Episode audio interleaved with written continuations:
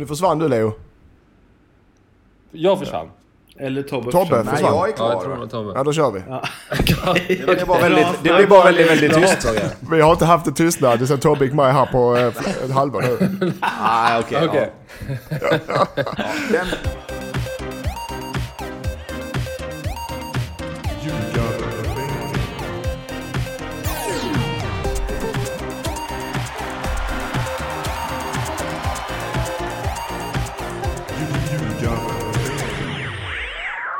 Det här är Ljugarbänken i samarbete med NordicBet. Det är avsnitt 185 och vi hoppade i förra veckan för det var landslagsvecka.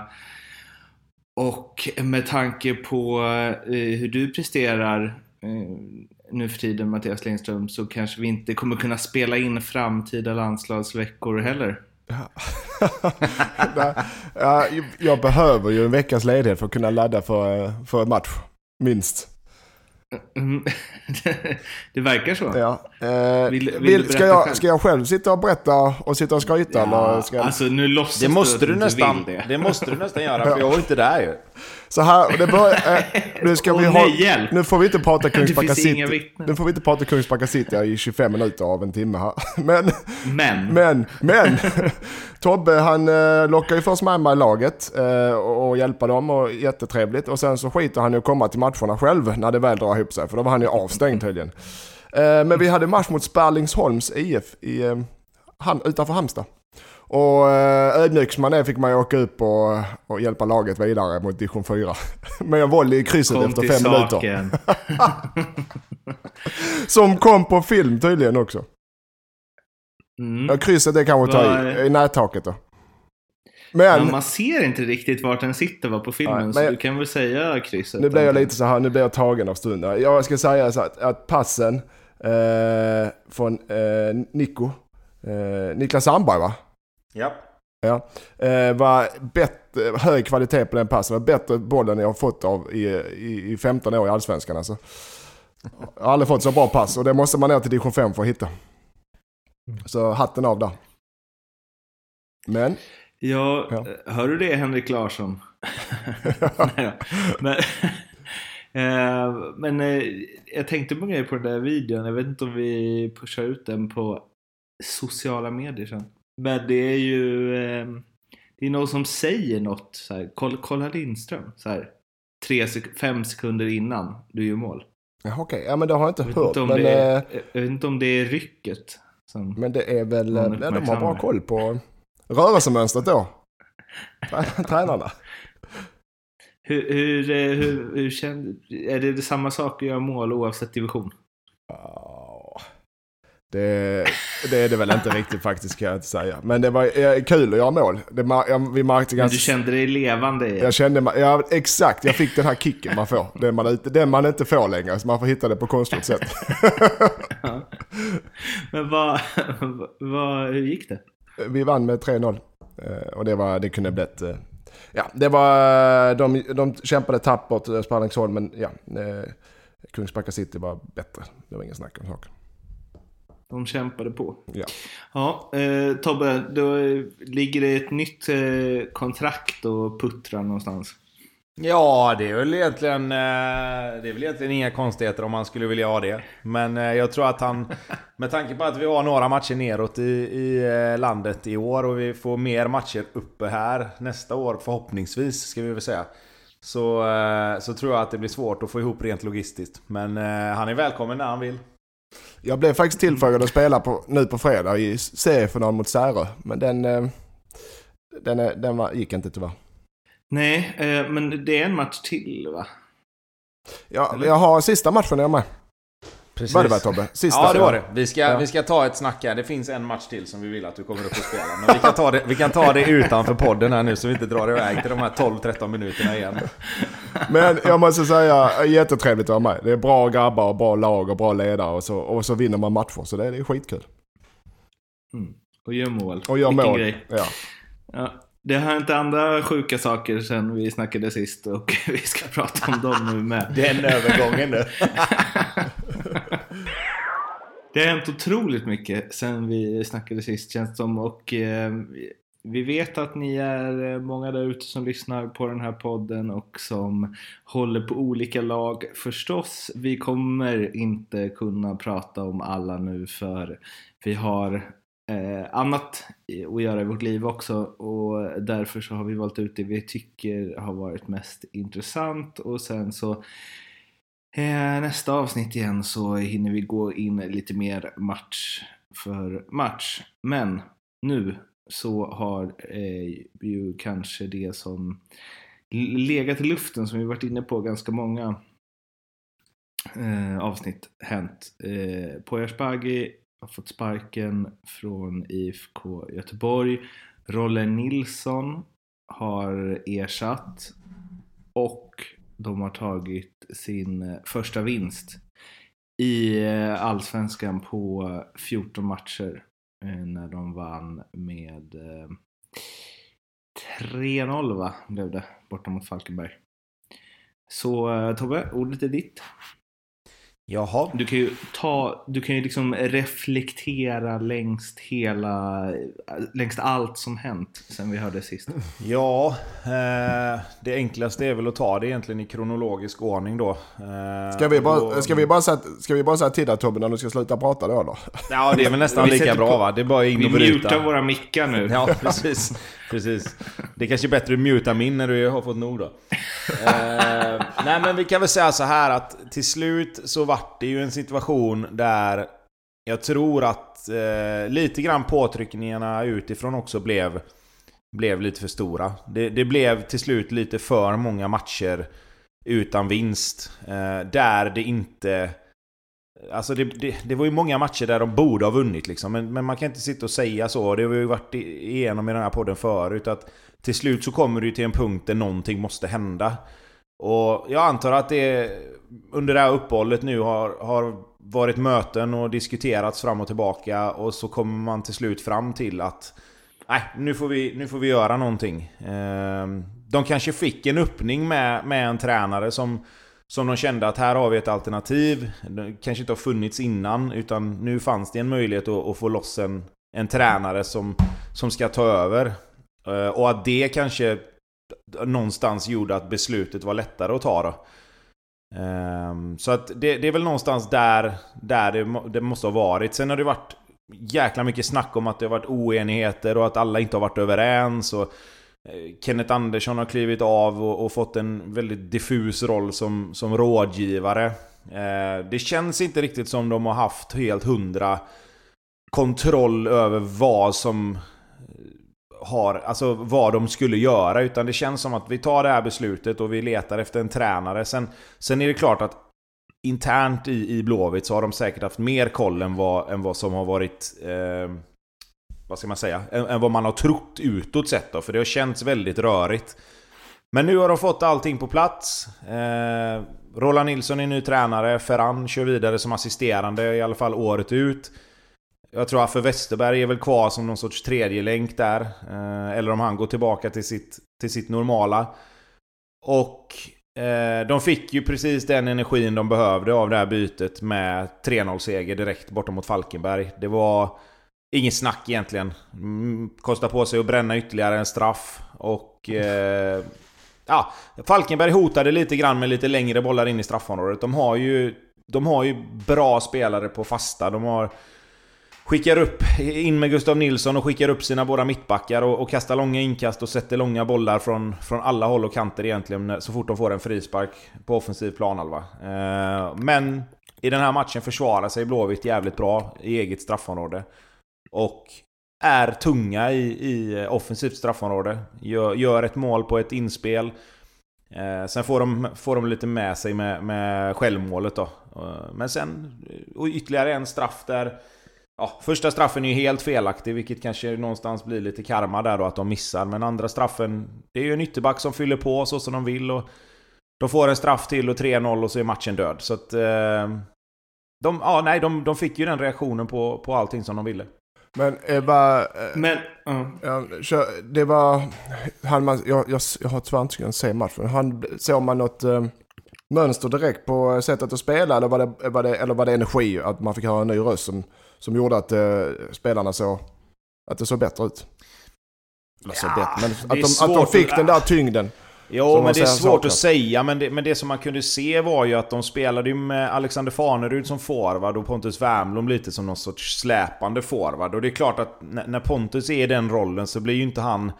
Alltså det blir ju ingen, det blir ingen Tobias Sana eller Patrik Karlsson Lagemyr-roll för, för Werner då. Utan då blir det ju mer att han... Han blir någon sorts uppspelspunkt och sen så spelar de ut bollen på kanten. Och det som var var att när de fick bollen på kanten så, så slängde de in den i straffområdet på ett lite annat sätt än vad de har gjort innan.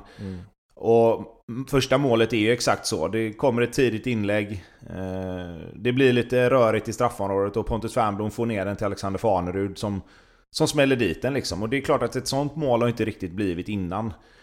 Men sen tror jag mer det handlar om att Falkenberg är ju, är ju under isen helt och hållet. Jag vet inte hur mycket, hur mycket man kan läsa ut av den här matchen mer, att, mer än att Blåvitt får den energin de behöver egentligen av att de vann. Eh, De behövde inte göra något speciellt för att vinna. De spelar ungefär som de har gjort innan. De har lite mer... Kanske lite mer bestämda i vad de ska göra och, och, och vet lite mer att okej, när vi får chansen så skickar vi in den i straffområdet för vi, vi har spelare där inne. Men eh, jag kan inte dra några större växlar av det egentligen mer än att som jag sa att, att de fick den här vinsten som de verkligen behöver och kan bygga vidare på nu då. Det var ju som Roland Nilsson själv sa, det, det här blir ju någonting att bygga vidare på istället för att vi behöver riva upp allting och börja om igen då. Men, eh, men det är klart att Falkenberg gav ju inget vidare motstånd, det får man ju vara ärlig och säga då. Men eh, summa summarum av allt det här och oavsett, eller oavsett, nu blev det ju första vinsten som sagt på lång, lång tid, men blir det, blir det rätt det här? För jag känner att det och jag har lite svårt att sortera där liksom på Twitter om det är Blåvitt supportrar eller om det bara är allsvenska supportrar som eh, kändes ganska överens om att eh, men så här, Poja borde vara kvar egentligen. Och att det här på något sätt tyder på ett kaos och kanske något steg tillbaka. Att man liksom ja, inte håller fast vid det som eh, man sa sig tro på och så. Vad, vad känner du? Lindström, kör du? Jag hörde att Ja, du men jag, jag, ja, du får gärna ta, jag bara tänker mer som eh, neutral eh, inför Göteborg så att jag tror, märkte man på presskonferensen när de skulle berätta att det var in, det är inget, såklart inget lätt val och de vill ju jobba, de ville ju verkligen eh, låta Poja jobba vidare och ha tro på hans idéer. Det, det, det, det hör man när, man när man hör Max och Max och när man pratar med Pontus och, och, och när man hör Tobbe här prata. Man, de, de gillar ju Poja som tränare, de gillar honom som person, de tror på idén. Men som Tobbe sa, trycket blev för stort. Trycket för en sån stor klubb blev för stort att vi vinner inga matcher. Vi kanske kan utveckla detta och bli bra, men just nu är det, det vi måste göra någonting exakt nu. Och det, jag, jag, det, det här var ju, de vill ju, jag tror Poja är en bra tränare och jag tror fortfarande en bra tränare, men det behövdes en ny, det behövdes ny energi i laget. Uh, och det, ibland är det så, men att de sparkar Poja i grund och botten ett fel val kan man väl tycka för längden men det var nog nödvändigt för klubben som Göteborg för supportarna och sponsorerna skulle klara av, eh, klara, att det skulle bli en balans i, i klubben annars så trycket blev för stort alltså. Så, uppfatt, så uppfattar jag det att okej, okay, vi tror på Poja som tränare men nu, nu måste vi göra detta alltså, tyvärr. Så känner jag att de gjorde. Ja, men alltså jag tror att det, det är ju det här då igen liksom att okej, många, många gillar ju Poja för hur han är som person också. Och, och sen är det ju just det där då att det, det som delar, om man säger fansen, vad jag förstår, det är ju att de inte tycker alltid att det har varit Pojas fel att det inte har blivit vinster då. Eh, och det är ju delvis sant. Alltså jag menar, Poja kan ju inte nicka in bollen från två meters håll liksom. Det, han kan ju bara se till att har det skapats tillräckligt med chanser för att vinna fler matcher? Ja, det har det ju faktiskt gjort. Alltså, där är, ju inte det, där är det ju inte Pojas fel. Men det har ju samtidigt inte heller... Det har ju inte blivit några segrar. Och någonstans så är det ändå det... Alltså det är det fotboll går ut på. Och hur mycket du än vänder och vrider på det, så är ju liksom... Så är ju inte alltid fin fotboll bra. Alltså, det, det, någonstans så handlar det ju om att få resultat. Och då kanske det är bättre att spela ja, men lite mindre fin fotboll, men kanske lite mer bra fotboll som gör att du tar de poängen du faktiskt behöver. Och du kan ju tycka vad du vill om att, att de har gjort sig av med Poja och jag tycker som sagt, precis som du säger Lindström, jag tycker Poja är en jätte, jättebra tränare. Han är en jättebra person. Han kommer allra största sannolikhet få en ny klubb och det, det kommer säkert gå jättebra där. Men här och nu så funkade det inte längre för att han körde fast liksom. Det, det, blev en, eh, om det blev en mental blockad hos spelarna eller om det blev att de inte hittade de här nycklarna för att, för att se till att få ihop helheten, det vet jag inte. Men, men uppenbarligen så är, var det ju någonting som behövde hända för så fort liksom Poja var borta. Sen säger inte jag att Roland Nilsson gick in och gjorde några liksom, jätteändringar. Men de vann ju en match och någonstans är det ju det de behöver göra nu. De behöver vinna matcher, klara sig kvar i Allsvenskan. Sen kan man utvärdera och se, okej, okay, vad behöver vi göra härifrån nu? Men det är ju som vi har sagt med AIK, det handlar ju om att liksom... Det är ju damage control hela året här nu och se till att man klarar sig kvar. Mm. Så är det i tränare, så har jag själv fått uppleva nu i tränaryrket, det är ju... Jag ser mig själv som en bra tränare såklart. men... Det, vad, vad, vad tänker du säga nu? Det är inte... Nej men man hamnar fel. Det är inte de bästa tränarna som alltid lyckas. Nej, nej men man kan hamna fel. Man kan hamna fel. Alltså, alltså som eh, Tobbe sa, man, man, får inte laget och, och prestera på det sättet man vill. Eh, och laget, att det behövs, eh, det behövs en ny energi och ett nytt, eh, ett nytt ledarskap i en grupp och som kan fungera i en annan grupp. Så det, ibland hamnar man fel oavsett om man är en bra eller dålig tränare. Och i Pojas fall så är det en bra tränare men han hittar inte rätt. Han hittar inte rätt. Han fick inte de här vinsterna på hur han än försökte. Men vad, eh, vad får man i Rolle Nilsson då? För ja, han vann ju med, med Malmö där för en massa år sedan med Pep bredvid sig. Eh, men eh, annars känns det väl inte som att han har haft världens mest lyckade tränarkarriär. Så jag tänker bara på de här när han hängde upp kalsongerna i hotellrummet. ja, just det, när jag bodde med honom förr i tiden. Ja, det kan vi ta för de om nykomna podden. Att, Rolle Nilsson, eh, jag spelade ihop med honom i HF. Eh, och han brukade, vi bodde ganska nära varandra, så ibland, han brukade komma hem till mig. Han, han är väldigt eh, trevlig Rolle, jag gillar ju Rolle.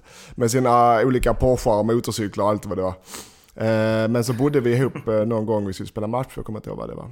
Och klockan, jag var ju inte mer än 18-19 år så jag ville ju sitta ut på, man tittade ju på tv på den tiden för det fanns inga telefoner på samma sätt. Så. Internet. Internet. så, ja, jag tror klockan var 10, du vet, det är precis då jag var äter kvällsmat. Ja, då låg jag och kollade på tv, ja då stänger han av tvn bara, plapp. nu ska jag sova, sa han. Ja, okej. Okay.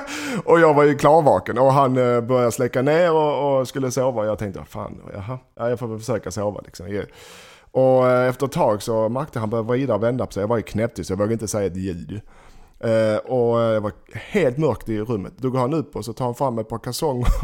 och för det var ju digital, uh, digital uh, klocka på tvn. Så tejpade han upp kalsongerna framför det för han tyckte den störde för mycket. och där har du Rolle Nilsson i nötskal. Den här, den här hängivenheten och, och, för att det skulle vara i matchdagen efter. Så det var ingenting som lämnas av slumpen. Så nej, det är en beundransvärd eh, människa, eh, både professionellt och privat. Så att, eh, det, jag tycker, du vet, han gjorde det bra i Gais gjorde han bra, han gjorde det bra i Malmö, så gick han till FCK, där hade han det lite tufft. och sen dess försvann han lite ur radarn. tog över landslaget, ett bra tag tills han tog över u landslaget Vill bo i Göteborg, vill verkligen inte flytta vad jag förstått. Så att han har nog, jag tror att det jag, jag pratat med honom ett par gånger när jag träffat honom nu i när han tränar för U21, det, det, jag, jag tror det Rolle är en bra ledare. Det är det han är. Han är en bra ledare, en bra mentor, en bra eh, motivator. Eh, sedan kanske han hittar folk runt om sig som Ferran och någon annan som, som hjälper med andra delar av fotbollen som behövs. Men, men så som jag ser det så är Rolle en väldigt bra ledare. Jag älskar ju för övrigt att eh, ljugarbänkens eh, liksom eller så här, om man tejpar upp kalsonger över digitala klockor på hotellrum, det är liksom ljugarbänkens samlade kriterier för en beundransvärd människa. ja, men, ja, men, du, ja, men du förstår vad jag menar just med noggrannheten och förberedelserna. Att ja, okej, den här klockan ska fan inte få göra så att jag, eh, vi förlorar imorgon. Nej, okay. Nej, exakt. Ni kan vara lugna, Blåvitt. Ja. För eh, nu, nu har ni någon som har koll på grejerna. Och Poja, hör du det här? Det kanske är det du måste ta med dig framöver. Tejpa upp fler kalsonger. Um, ehm, ja, vill du säga något mer om Blåvitt eh, Tobbe? Det är ändå din uh, show det här, det här partiet. ja, precis. Nej, men det, ska, det, som, det som är viktigt för dem nu är ju, och som, som Rolle sa, att de måste bygga vidare på det här och inte, och inte hamna tillbaka i gamla hjulspår. Liksom. Nu har de ju FC Köpenhamn på torsdag i Europa League-kvalet. Och det blir ju en match för en gångs skull och, och, på länge där de inte har någonting att förlora. Där man bara kan spela helt avslappnat och gå ut och liksom någonstans försöka bara få med sig ett resultat. Och, och får man inte det så är det ingen som egentligen rycker på axlarna över det liksom. Eh, men sen är det ju tillbaka till verkligheten igen och då är det Kalmar och Kalmar har ju liksom samma... Egentligen samma situation som Blåvitt har. De har inte vunnit på jättelänge. Det är klart att förr eller senare så kommer ju den där vinsten komma. Och det är ju upp till Blåvitt nu att se till att och göra exakt samma saker som man gjorde mot Falkenberg och se till att inte ge bort någonting i onödan och sen ja, försöka och bygga vidare som, som sagt på det som de har lite grann fått med sig av den här energin ifrån Falkenberg-matchen nu. Från ett kamratlag till ett annat och en eh, turbulens till en annan. Och det fanns ju även en eh, liten koppling mellan dem. Men IFK Norrköping eh, har ju, eh, fortsätter eh, slita. Eh, nu vann de ju igår borta mot eh, just Kalmar. Eh, men Jens Gustafsson var ju på tapeten som Pojas ersättare. Det stod till och med att de var överens men att Blåvitt drog sig ur. Ehm, och det har ju också stått om, eh, nu får ni hjälpa mig här, vad var det för lag? AIK. AIK, just det. Så var det innan eh, Bartosz eh, blev klar. Och eh, nu kan man ju kanske känna lite så här att om man håller på IFK Norrköping så är det väl inte så kul att se sin tränare eh, vara långt gången i förhandlingar om andra allsvenska jobb samtidigt som det kanske inte hade skett ifall Jens hade fått tydliga direktiv om att det är klart att du ska träna IFK Norrköping nästa säsong. Nej, ehm, det, det, eller? nej absolut. För det första så är det ju Jens, den ålder Jens är, den, den erfarenhet han har hunnit på, skaffa på sig redan. Eh, och det han har gjort med Norrköping, och det tycker jag verkligen. Norrköping är jättebra spelare såklart. Men att de år efter år säljer sina bästa spelare som de egentligen gör. Det här året är lite annorlunda. Och ersätter dem med redan färdig eh, mönster de har i sitt sätt att varva och sitt sätt att utveckla spelare. Det, det är beundransvärt att hålla sig ändå i, i toppen i Allsvenskan. Så Jens är ett, ett av de mest intressanta namnen i Sverige för toppklubbarna i Sverige. Norrköping är en toppklubb men du har ju ja, storklubbarna så kan jag säga. Då. Eh, och Göteborg, AIK, Hammarby, säkert Malmö. Så att, att, han, att han om jag så rykten och eh, folk... Eh, klubbar, det, det, är inte så ovanligt och det får man ju ta precis som man har bra spelare så man är en bra tränare. Så att den, tror jag, den tror jag inte berör eh, truppen så mycket utan de... Eh, det är så mycket alltid i fotbollsvärlden. Vad händer till nästa år? Ja, vad händer med spelarna? Vad händer med tränarna? Vad händer med klubben? Det, det, det är väldigt svårt att planera. Eh, så att jag tror de kör på som vanligt. De, nu mot Kalmar det var en jämn match första kvarten, sen så kör, eller det är inte ens det, Norrköping var bättre. Kalmar föll djupt ganska tidigt så det var ingen snack om saken. Men jag tror inte det stör nämnvärt. Jag vet att det skrevs lite om eh, att det var lite stökigt i omklädningsrummet men det tror jag inte ett skit på. Eh, det var, det var någon, till och med någon spelare som gick ut och dementerade. Eh, det är alltid stök, kan vara stökigt när man inte har vunnit på ett tag och har lite dålig form. Det är inte ovanligt att folk är missnöjda, framförallt spelare som inte spelar. Men jag tror eh, Jens är så pass proffsig att, och, och spelarna också så att det berör honom inte. Däremot tror jag det är sant att klubbarna har varit och dratt i de här och eh, varit intresserade. Det tror jag är helt sant och jag tror också att Norrköping, eh, om, det, om det är han som styr där, eh, börjar kolla på andra namn där också. För det, det behövs en ny tränare den, eh, i den miljön också. Han har varit där länge nu Jens. Så det tror jag på bägge håll att det, det är mer än rykten. Eh, men det behöver inte betyda att laget spelar dåligt för det. Jag tror, jag, som jag sagt innan, jag tror Norrköping kommer ur sin svacka ganska snabbt. Ja, ganska snabbt. Den har ju varit nu i och för sig i tio matcher. Men, ja, ja, okej okay. Eh, okay, ja, men de, de, kom, de, de kommer inte släppa de kommer inte släppa kampen om Europaplatsen. Om de tar det inte, men de kommer inte börja halka efter i tabellen. Mer än de har gjort. Det är sjukt att de ligger alltså två poäng efter andra platsen. Ja. Det säger något om vilken inledning på Allsvenskan ja. de hade. Och nu har de Malmö borta. Det känns som en evighet sedan de vann. Tills igår. Ja. Men, eh, Eh, men ändå, alltså så här, visst det finns rykten hit och dit men det är ju sällan det står att man är muntligt överens med en annan klubb som tränare som det var kring, kring Blåvitt. Och jag tänker också så här, all respekt till IFK Göteborg, men om Jens Gustafsson fortfarande hade varit önskad i IFK Norrköping, inte fan går han och blir överens med Blåvitt då?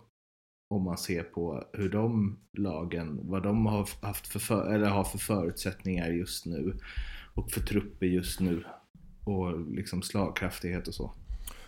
Eller? Nej, nu vet jag inte om det kommer från Jens själv eller kommer från Norrköping eller ingenting alls. Men han har varit i Norrköping och kommer från Halmstad 2000. Ja, efter Janne där så 16. Ja, och, och, det, och det är väldigt sällan en tränare är på en sån post så länge i ett eh, bra, eller ett stort allsvenskt lag. Det vet ni själva. Jag tror eh, Jens... Men eh, han har ju ingen anledning att lämna dem för IFK Göteborg. Men jag tror just för personlig utveckling och Jens, hur han tänker, så tror jag man blir rastlös. Man vill, precis som spelare, det, det finns undantag såklart, men man vill prova nytt, man vill utveckla sig och, och man vill få nya intryck som tränare och som spelare. Jag tror det är lite åt det hållet. Eh, eh, mer på det personliga planet man vill utvecklas som tränare. Jag vet inte, det är bara som jag säger själv, sitter och spånar om man, om man är, kör fast i ett hjulspår för länge kanske i samma. Man vill ha nya utmaningar. Och jag tror även det kan gälla Norrköping att de kanske behöver något nytt här nu eh, till nästa år, nästa igen. Det är min jag, känsla, jag... att det kanske är ömsesidigt detta. Ja, men jag tror också att jag tror också det handlar om att det, han, har väl, han har väl med allra största sannolikhet antingen fått indikationer på att, att han inte ska vara kvar eller själv känner att han inte vill vara kvar. Mm. Och är det då så att man ska titta vidare på andra lag som, som känns intressanta så, så får man väl ändå säga att, att Blåvitt just nu har ju en spelartrupp som är rätt intressant. Alltså de har rätt många äldre rutinerade spelare som har spelat på en hög nivå. De har unga spelare som, som inte riktigt har kommit till sin rätt i år. Och har ju en ganska bra blandning eh, som, som på sikt skulle kunna ge en ganska intressant eh, utmaning för en tränare. Liksom. Så jag tror det är mer i det som Jens kanske känner att han vill flytta tillbaka till västkusten kanske i, i den mån det går. Eh, så att jag, jag, kan tänka mig att det är lite så han har tänkt i så fall. Sen blir det ju bara rena spekulationer för vi vet ju inte om det har varit så nära som det sägs och vi vet ju inte ens om om Norrköping kanske till och med har sagt till honom att du ska inte vara kvar nästa år så du är fri att, att gå om du vill. Eh, men, men som sagt, sånt vet man ju inte och därför så kan du ju bara spekulera och det, det, någonstans är det ju det vi gör här nu. Det är det vi gör i ljugarbänken. Vi hyllar folk som hänger upp kalsonger och spekulerar vilt. Eh, och det ska vi fortsätta med nu för eh, Rickard Norling eh, ryktas ju till eh, Norrköping. Jag har för mig att jag har varit inne på det va? Ja, det, var, det har ju stått va? Har det inte det? Jo, exakt. Men vi, vi var inne och pillade på den senast vi spelade in. Mm, jag. Du, ja. Journalisten där, det ska jag. Ja men det är rätt Mårten, det är rätt. Nej men eh, det känns ju som här manager-grejen att de gärna tuffar vidare på det. Och där så passar väl Norling in. Men man kan ju också se eh, Rickard Norling och Peter Hunt inte dra jämnt över tid.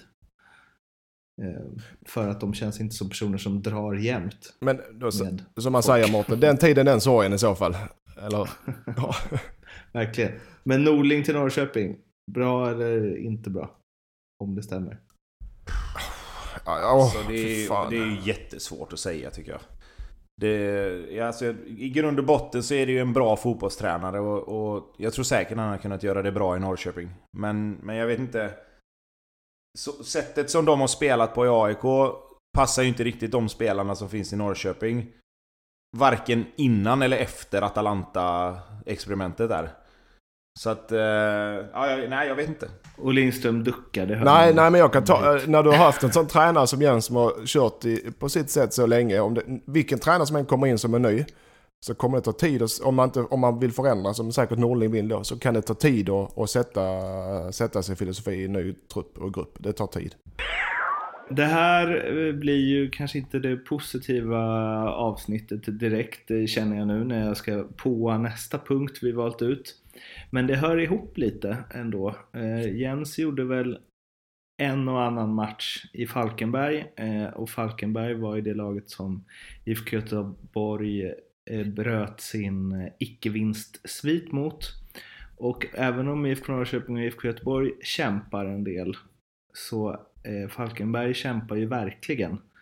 Och nu börjar det bli eh, en och annan poäng upp till eh, säker mark om de inte, om de inte börjar vinna. Eh, och, mm, Hasse Eklund, vad, vad ska han göra? Han har gjort det många gånger innan ju och eh, haft den här livlinan och räddat dem kvar i Allsvenskan och gjort det beundransvärt med, med den eh, Eh, budgeten som de eh, får, eller har. Jag hade och vill ha Gustav Nilsson. Eh, jag tycker det är, han har något spännande i sig men jag vill, de behöver verkligen få igång honom. För att kunna klara sig kvar. De behöver, även om de jobbar hårt och de har sitt, sitt sätt att spela och, och rent moraliskt så behöver de någon som spetsar till det. För, för att hålla sig kvar i Allsvenskan.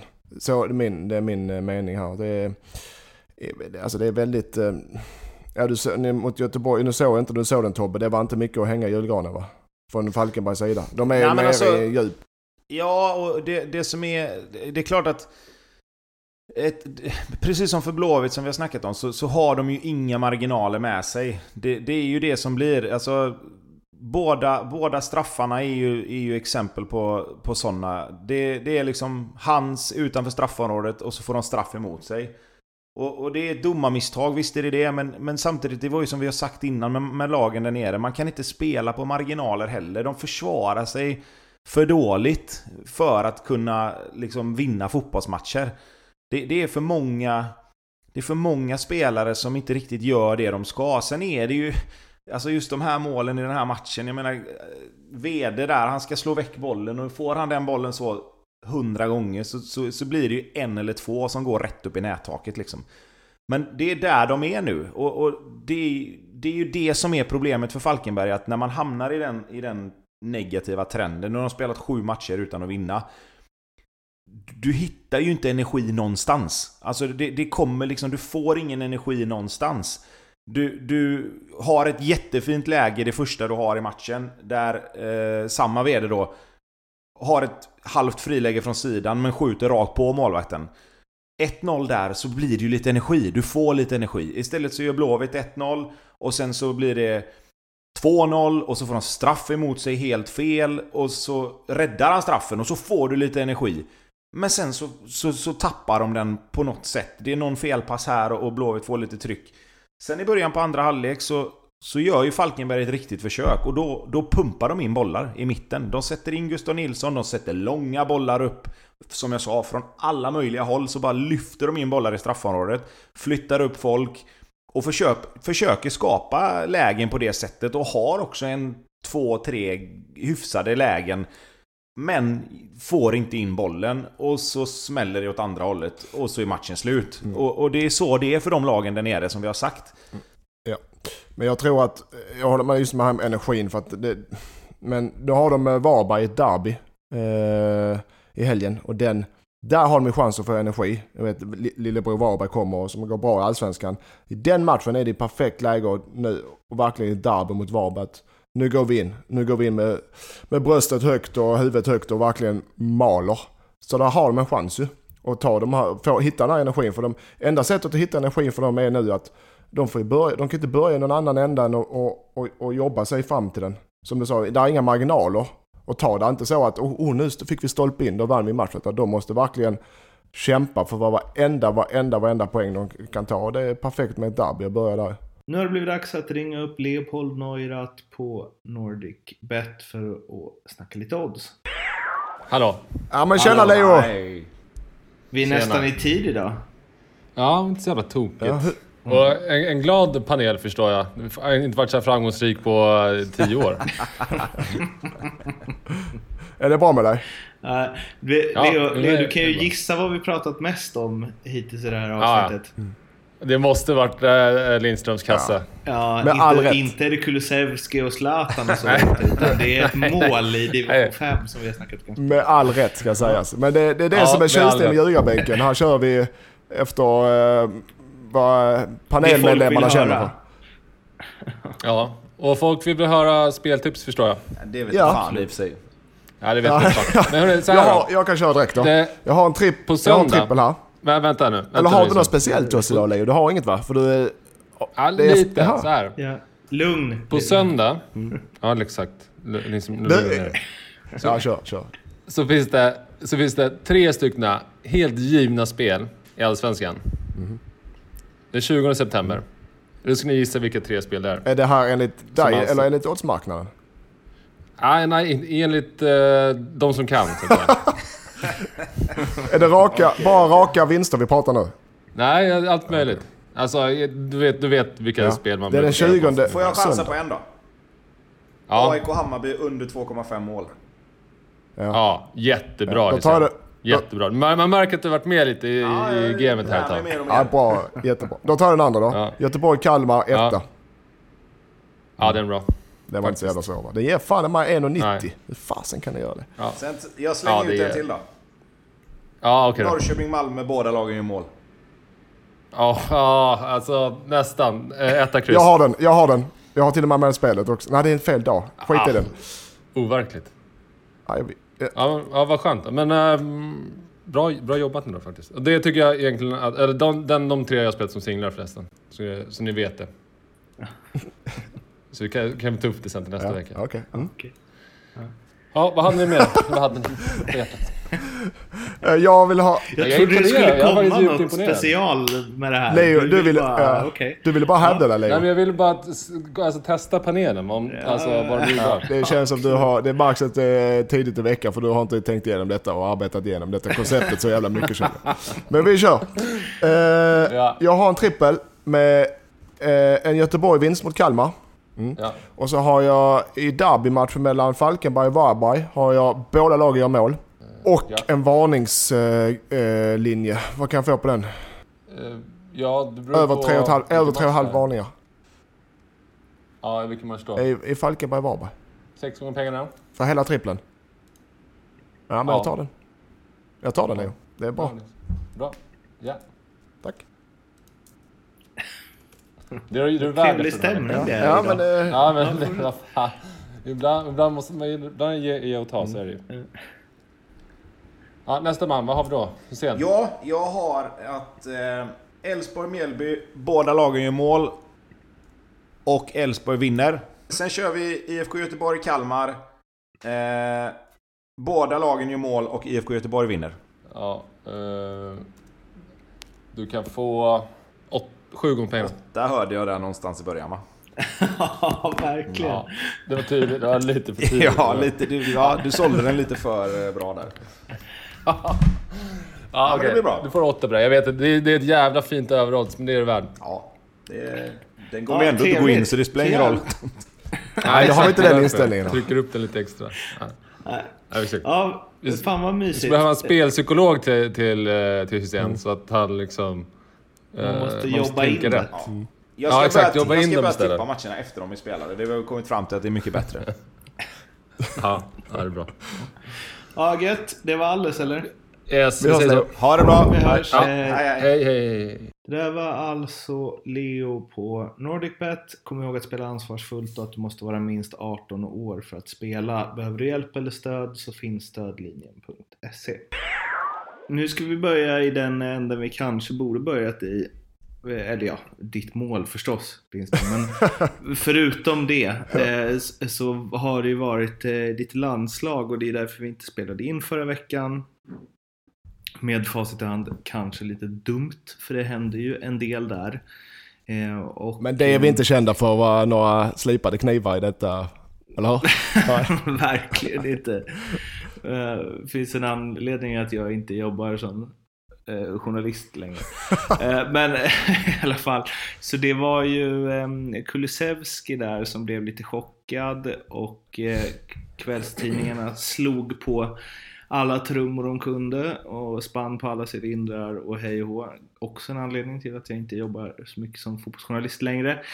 Eh, och eh, Zlatan Ibrahimovic kände, eller någon ur hans PR-team, att eh, här ska vi eh, hälla en bassäng med bensin på den här lilla elden. Eh, och eh, helt plötsligt så kändes eh, landslaget eh, som allas, vad säger man, ja, men, prio att diskutera igen.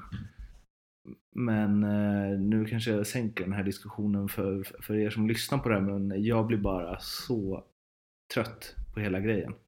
Kulusevski eh, var förvånad över att han inte fick spela men sa samtidigt att han godtar det.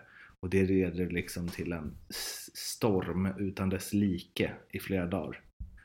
Men jag vet inte vad ni säger. Eh, Janne, eh, eh, förbundskaptenen tar ut laget, tränaren tar ut laget. Och sen att spelare, och, och han accepterade, jag var inte med om det, han var lite besviken och, och men han accepterade såklart. Men att Zlatan, där, och det står man Zlatan går ut och kritiserar, han vet hur stor han är, när han går ut och säger sådana grejer så blir det, det är ingen som låter den vara. Såklart. Att, att det är ett skämt inkompetenta personer på fel position och sånt. Det, jag tyckte det var onödigt och barnsligt att Zlatan hålla på så. För det, och det vet han, det, det, det får jag säkert, tycker säkert de flesta. Tränaren tar ut laget eh, och sen får han stå för konsekvenserna. Om man får, men Janne var lugn och fin i att eh, i presskonferensen när han att man bara får kalla till en presskonferens för, för en, att man ska sitta och försvara laget och han tycker det är vansinne. Eh, men det fick han göra och där var han lugn och fin så att ja, det var onödigt. Eh, onödigt. Eh, det känns som det är grejer varje samling som dyker, sådana här grejer som i, i laguttagningar och, och grupperingar och liknande. Alltså det, jag, jag, upplever inte land, jag upplever landslaget som är harmonisk. Och bra konkurrens och sund konkurrens. Ja, men jag, jag håller väl med dig till 99%. Alltså jag tycker att... Jag tycker att det är så... Det, det, det känns så konstigt att man överhuvudtaget ska behöva motivera varför vissa spelare ska spela kontra vissa spelare inte ska spela. För att du har ju inte hela matchplanen framför dig. Du har inte taktiken och hela, hela idén med vad den här matchen innebär kontra nästa. Det kan ju finnas en, en tanke med att Jan Andersson tänker att okej, vi kan inte spela spelarna två matcher, utan vi spelar eh, Sebastian Larsson i första och så spelar vi Kulusevski i andra. Det som, det, som man, det som man kunde ha gjort då, det hade ju kanske varit om man säger att är det nu så, så, så, så tänker man väl att okej, men det, det tar man väl med spelarna. Att nu är det så här att ni har inte kört, ni har inte spelat matcher på länge. Eh, Du kommer hit nu, eh, Dejan, ifrån en träningsperiod. Sebastian har spelat hela våren. Vi låter honom spela första matchen så du får dina 5-6 träningar innan din match är. Och så spelar du andra matchen. Så, så slipper vi dra på oss några onödiga skador. Du slipper komma in och träna två, tre pass och sen rätt in i match. Eh, det är väl där jag känner någonstans att den kommunikationen, om den inte har funnits, så kanske det borde ha varit så. Eh, men i övrigt, alltså, jag tycker liksom att det handlar ju om en belastningsfråga också. Jag kan ju tycka att de här Nations League-matcherna överhuvudtaget är, ligger lite konstigt. Med tanke på hur den här säsongen har varit med, med alla framskjutna säsonger och det har varit liksom uppehåll här och uppehåll där. Jag vet inte vad de här matcherna e- egentligen ger om jag ska vara helt ärlig. Eh, men det är ju en helt annan fråga. Och sen det med Zlatan, alltså... Jag, jag håller med dig Mårten lite. Jag, jag blir mer lite trött på det för jag tycker det är så tråkigt att han gör så. Jag, jag, jag förstår att han har en agenda med det och allt sånt där och den får man ju tycka vad man vill om. Men som det blir nu så, så blir det nästan som en vattendelare liksom att många tycker att han har helt rätt och han, han är liksom, liksom rätt på det, han tar, lyfter en debatt och hitan och ditan va. Men jag tror att, precis som du säger, jag tror snarare att den debatten kommer bli Den kommer liksom försvinna mer och mer för att folk blir trött på att höra den varje gång. Eh, och, och jag vet inte om det, jag vet inte om det är, är rätt forum att ta den debatten på en A-landslagssamling. Den kanske ska längre ner i hierarkierna i så fall. Att, att den ska lyftas fram på ett helt annat ställe. För att det finns säkert ett det finns säkert ett problem med, alltså på vissa ställen med just det som Zlatan vill lyfta fram. Men, men jag tycker inte A-landslagsnivå är där man ska ta den debatten liksom. Nej, och en sak som man märker i det det finns mycket jävla pissig liksom rasism där ute och eh, Zlatan har varit med om mycket skit och eh, uppenbarligen liksom eh, satt djupa spår förstås hos honom. Men det som är nu är ju någonstans jag vet inte. Han, eh, han slåss lite mot, eh, vad säger man, mot väderkvarnar. Det blir någonstans som att det enda det här renderar i är att eh, folk, äv- alltså så är min känsla i alla fall. Folk som älskat Zlatan och eh, älskat att följa hans karriär och alltid backat honom och alltid hållit på honom. Till och med de börjar tröttna. Till och med spelare som har haft honom som förebild som nu spelar i landslaget har börjat tröttna. Mm. Och jag, fan, jag tycker det är, det här är en större diskussion absolut, men jag tycker fan det är sorgligt hur han ja, förstör sitt e- eget, liksom, hur folk kommer minnas honom. Liksom. För att, eh, alltså det är ju, jag vet inte, det kanske beror på vilka man har i sin Twitter-feed och, och vilka man snackar med, men i, min uppfattning är att eh, det togs inte emot superbra av speciellt många, det han skrev. Nej. Men jag, det, det blev undertoner av det som var uppe innan, det som Tobbe sa. Det landslagssamling är helt fel. Jag menar att, att Janne och, och skulle ta ut ett lag eh, på, på vilka spelare han tar ut och spelar på bakgrund och nationalitet eller... eh, Det, det, har, det, det är absurt ju. Han tar ut laget som han tror kan vinna matchen.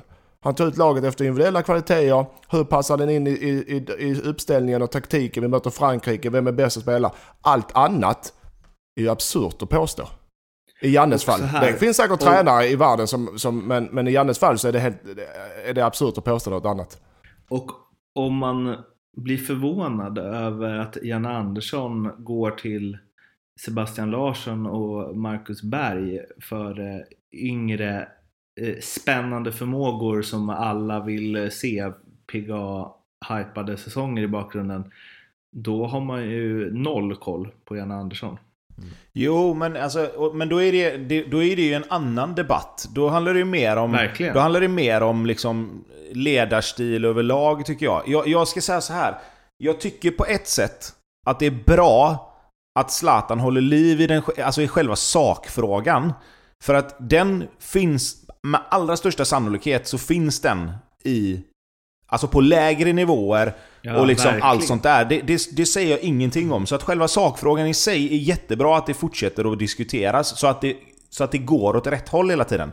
Men det jag säger är att, precis som jag sa, A-landslagsnivå och U21-landslagsnivå känns inte som rätt forum att ta upp den här debatten, för då hamnar den i fel dager liksom. Då blir det precis som vi sitter och snackar om nu, att då blir det att man blir trött på den, man tycker det är lite, som du säger, sorgligt att han, att han väljer att hoppa på liksom, och det blir mycket, mycket mer jobb för alla andra och spelare i landslaget får svara på frågor som de inte kanske riktigt vet hur de ska hantera heller, för att det är inte så jävla lätt att sitta på landslagssamling för Robin Quaison, Alexander Isak, Dejan Kulusevski och säga varken bu eller bä om det här. För, för snackar de emot Zlatan så gör de sig kanske en otjänst på det sättet. Och snackar de emot Jan Andersson så blir det en otjänst på ett helt annat sätt. Så de hamnar ju i en situation som blir jävligt obekväm även för dem.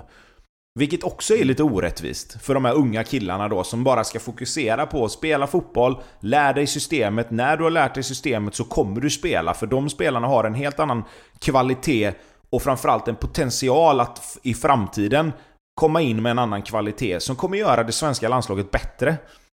Så, men låt dem fokusera på det och, och, och bara liksom hitta sin plats i den här gruppen också. Ja, ehm, Väl talat. Så är det ju. Ja, jag tänkte säga något mer men jag skiter i det. Eh, nu eh, ska vi ta lite kortisar från eh, Allsvenskan. Eh, som vi, ja, nej, eller vi får väl se hur korta de blir men vi ska försöka hålla dem korta i alla fall. Eh, MFF, de har ju min en djup svacka. Nej, men med deras mått mätt så eh, har det varit eh, 1-1 mot Elfsborg, 3-2 torsk mot Örebro och sen 0-0 mot ett AIK som, ja det var röda kort och det var, ja, AIK två, säsongen 2020 var det. Men som sagt bara 0-0 för MFF där och tre matcher utan vinst. Det hör ju inte till eh, vanligheterna. Eller det hör ju till ovanligheterna snarare eftersom det inte hänt den här säsongen hittills. Eller ja, nu har det ju det. Men innan dess. Kör Bra på Kör du. Ja, jag tänkte, ska du säga något mer eller? ja, nej men eh, Malmö, alltså matchen mot AIK, där gör ju AIK mer eller mindre precis allt de kan för att det ska bli 0-0, känns som. De har ett, eh, de har ett mål som blir bortdömt, som enligt alla regler då ska dömas bort. Men där hade jag ju inte varit helt nöjd om jag hade varit AIK. Nu är regeln som den är, så det går inte att säga så mycket om. Men det är klart att det är ju det, det är ju ingenting målvakten störs av att Enok Goitom står där. Han hade ju inte räddat den ändå. Så där, men där är vi då igen med, med marginaler och liknande för de lagen som har det lite jobbigt. Eh, Malmö spelar ju fortfarande rätt bra. De har ju ett bra tryck mot, mot AIK. Men de, de, får inte riktigt, de får inte riktigt dit sina chanser, eh, tycker jag. De skapar ju rätt mycket målchanser, eller i alla fall halvchanser. Men, eh, men de spelarna som, som ska göra det framåt har ju inte riktigt gjort det de senaste matcherna. Så att eh, de behöver få igång Ola Toivonen igen, de behöver få igång en sån som eh, Isak Kiese igen. Eh, han gör mycket bra, men, men nu... Han är lite ifrån chanserna. Han kanske skulle haft en straff, men... men eh, ja, nej, Malmö, Malmö har eh, som sagt tre raka matcher utan vinst. Det blir ju ingen tillfällighet till slut. Så att de får nog, eh, de får nog sätta sig nu. Nu är det Norrköping för dem nästa match va? Så Ja, att de det blir ju en jävla... De har ju de har Euroleague innan dess. Ja på- precis, men jag tänker i Allsvenskan då. Torsdag, ja. Eh, Norrköping så det blir ju en borta. Mm. jävla spännande match för, för båda lagen. Ehm, man gillar ju Micke Lustig versus Ola Toivonen Mm. förresten. Som liksom tjafsade konstant och sen efteråt stod Micke Lustig och sa Det är bara kärlek. ja men det, det jag håller med. Jag tycker också det är en sak på planen, en sak i sidan av plan. Jag gillar det där. Alltså jag har alltid undrat hur det är. Jag har liksom aldrig spelat mot någon kompis och sen varit svinförbannad på den kompisen och sen är allt lugnt efteråt. Är det så? Det- Kristoffer Andersson, en gammal HF, en av mina, bäst, en av mina bättre vänner, bästa vänner. Han, vi, när jag spelade Gais så mötte vi HF. Och vet, jag var taggad. Jag var ju supertaggad när jag spelade. Och eh, HF var bättre än oss. Du gjorde mål va? Ja, det vet jag fasen. Det gjorde jag säkert. Men eh, HF, Vi säger det, vi Ja, säger det. HIF var Ja. bättre än oss. Det här var uppe i Göteborg då. HIF var bättre än oss. Mycket folk på läktaren. De var, de var bra då. Och eh, så hamnade jag med Chrisse på kanten och vi lojala sprang och jobbade och slet och eh, hamnade i några duster. Och sen när jag var det en närkamp där jag trillade och bollen hamnade till honom och domaren blåste av spelet för jag tror jag fick frispark eller tvärtom. Då skjuter han bollen i huvudet på mig. när spelet var avblåst, den lilla skiten alltså. Jag blev så satans sur. Så jag kunde inte, ja, och jag, sprang, och jag tänkte nästa gång du får bollen så kan jag ta det alltså. Men sen, sen e- efter matchen får man ju sur för man förlorar. Men, men det är sådana grejer som händer på planen. Att man spelar ingen roll vem det är så det är klart man, man, man får reagera på planen även om det är ens vänner. Jag har inte med, det, jag har inte med saken att göra. De som inte klarar att hantera det, de spelar oftast inte på elitnivå. Men är, om jag springer runt och möter dig Mårten så oh, nej, nu kommer Mårten, nu, nu, nu, nu tar jag inte bollen från dem. Det, så funkar det inte heller. Nej, det fattar jag med. Men just att man så här hatar verkligen sin eh, polare under 90 minuter för att man eh, vill vinna så hi- himla gärna. Mm. Jag, jag kanske har lite vinnarskalle. jag, jag har svårt att liksom sätta mig in, eller framförallt har jag nog svårt att sätta mig in i att direkt efteråt så ska jag känna Ja men det är hur lugnt som helst. Ja men det behöver man inte det göra. där är Det, en skön person. det behöver man inte göra. Vad sa du? Det, det behöver man inte Nej, göra. okej.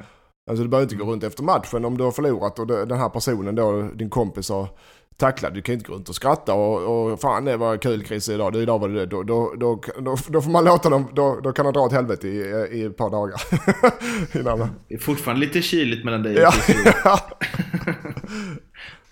Har, eh, Tobbe, har du några erfarenheter av eh, det här? Nej, nej, jag har varit alldeles för snäll. Du känns som du alltid är kompis med alla. Ja, men det är väl lite så. Det är väl både på gott och ont såklart. Men, eh, nej, men jag har aldrig varit den sortens spelare som har sprungit runt och varit arg på plan heller liksom. Jag... Jag, jag- alltså, min, min, mitt sätt att vara på plan har varit lite snacka åt andra hållet. Alltså få folk att slappna av på ett lite annat sätt så kan du hellre lura dem sen då. Eh, Jag har aldrig liksom trash-talkat på det sättet och det, därför så har det aldrig liksom blivit situationer där jag har gått in och börjat gapa och skrika på, på motståndare på det sättet. Liksom. Och som sagt, det är ju både på gott och ont såklart. Ska sägas att jag... Önskar du ibland att du hade varit lite mindre trevlig på plan? Ja, men jag vet inte, alltså... Jag vet inte vad det hade gett mig egentligen. Alltså... För, för saken är så här att när man, när man... Antingen har man ju det eller så har man ju det inte. Och ska man då gå runt och tänka på att man ska vara mer... Att, alltså mer ett svin, då, då, då tar ju det fokus från något annat liksom. Så att då, då blir det så här att nej fasken, det har aldrig varit... Det har aldrig varit aktuellt. Du ska, du ska inte ändra Hade Tobbe varit sprungit runt och varit som Rydström eller Selakovic så hade det inte funkat. Eller om eh, Selakovic och Rydström hade sprungit runt och varit trevlig och...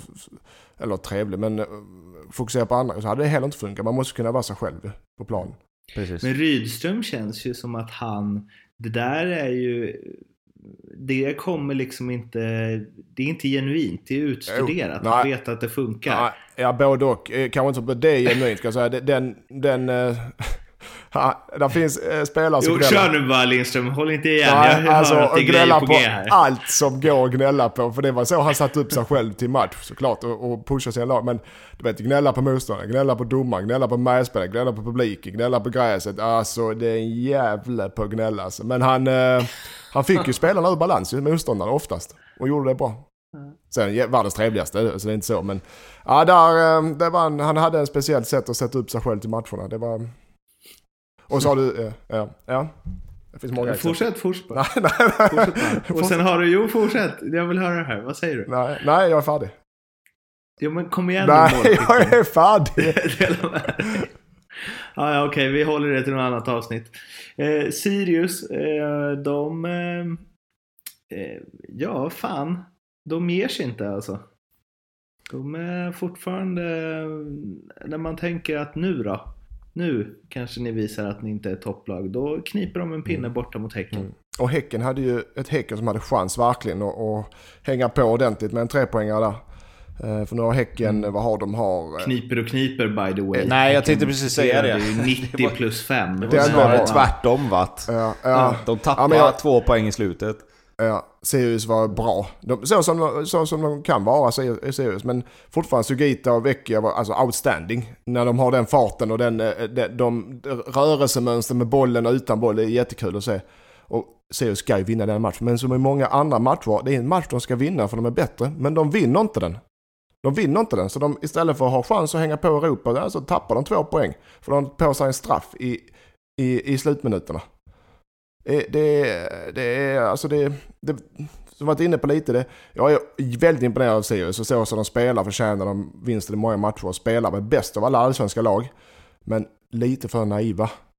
Stä, vinn matcherna också. Om man kan få in den mixen med sättet att spela och att man stänger matcher på sitt sätt eller eh, blir lite mer naiva och fula, ja då, då, då hade man varit uppe och nosat på ordentligt i tabellen. Och det kanske blir till nästa år att man lär sig beroende på, men eh, det får nog vara dyr läropeng för dem. De här poängtappen de haft i många matcher.